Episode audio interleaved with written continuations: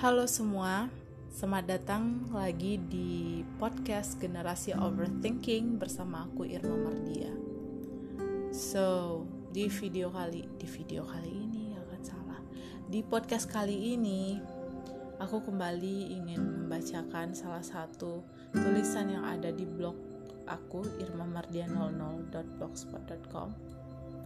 Tulisan kali ini berjudul untukku di masa depan.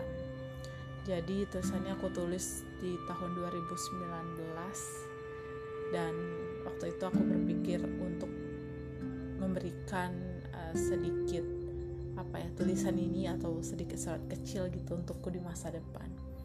Which is sekarang di mana sekarang udah tahun 2022 aku udah umur 26 tahun dan aku ngerasa apa ya akhir-akhir ini hidup tuh semakin keras.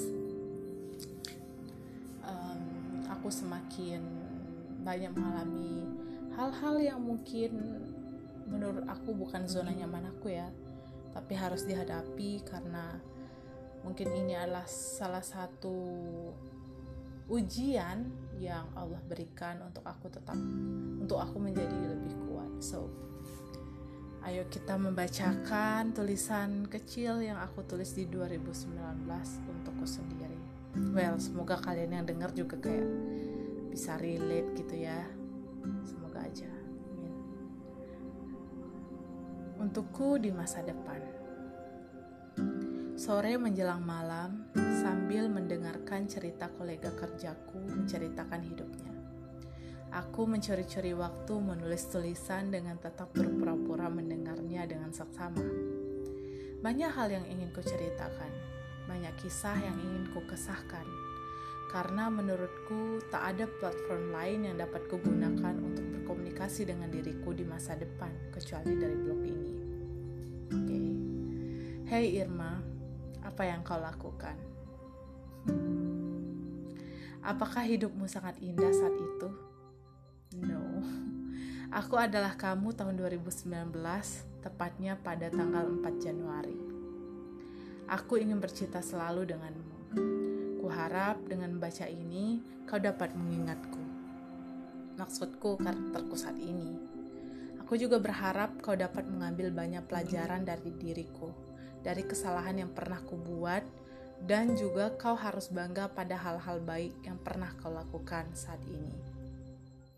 Oke, kau tahu, sebenarnya aku adalah wanita kuat yang tak pernah menyerah pada keadaan, walaupun kau tahu hidupmu tak selalu mulus.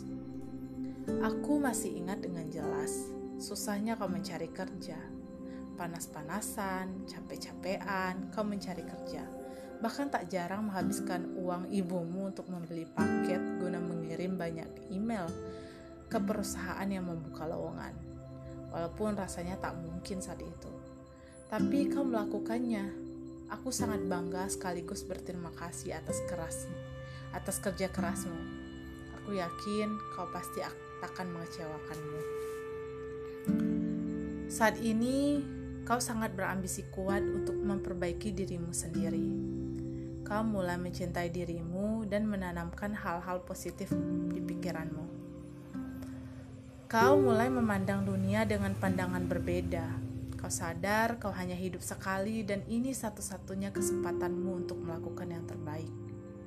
Baiklah, akan kutuliskan hal yang ingin kau ubah dan mulai kau tanamkan dalam hidupmu. Satu, menegakkan badanmu. Hal yang selama ini tak pernah terpikirkan namun sangat membawa pengaruh besar. Dengan menegakkan pandangan, kau terlihat lebih percaya diri, siap untuk menghadapi semua tantangan di depanmu. Olahraga untuk kesehatan. Setelah banyak artikel yang kau baca, betapa pentingnya berolahraga. Sekarang pandanganmu tentang olahraga berubah.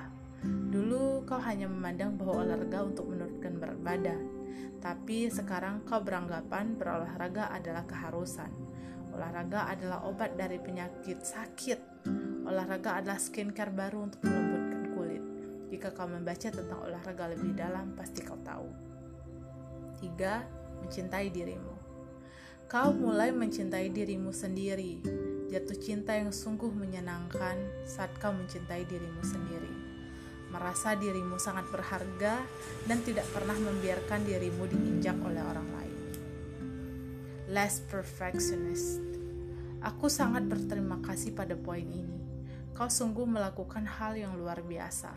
Tanpa disadari, hal ini mengubah caramu menghadapi masalah tetap tenang dan berkepala dingin pada hal yang mungkin terlihat tidak beres.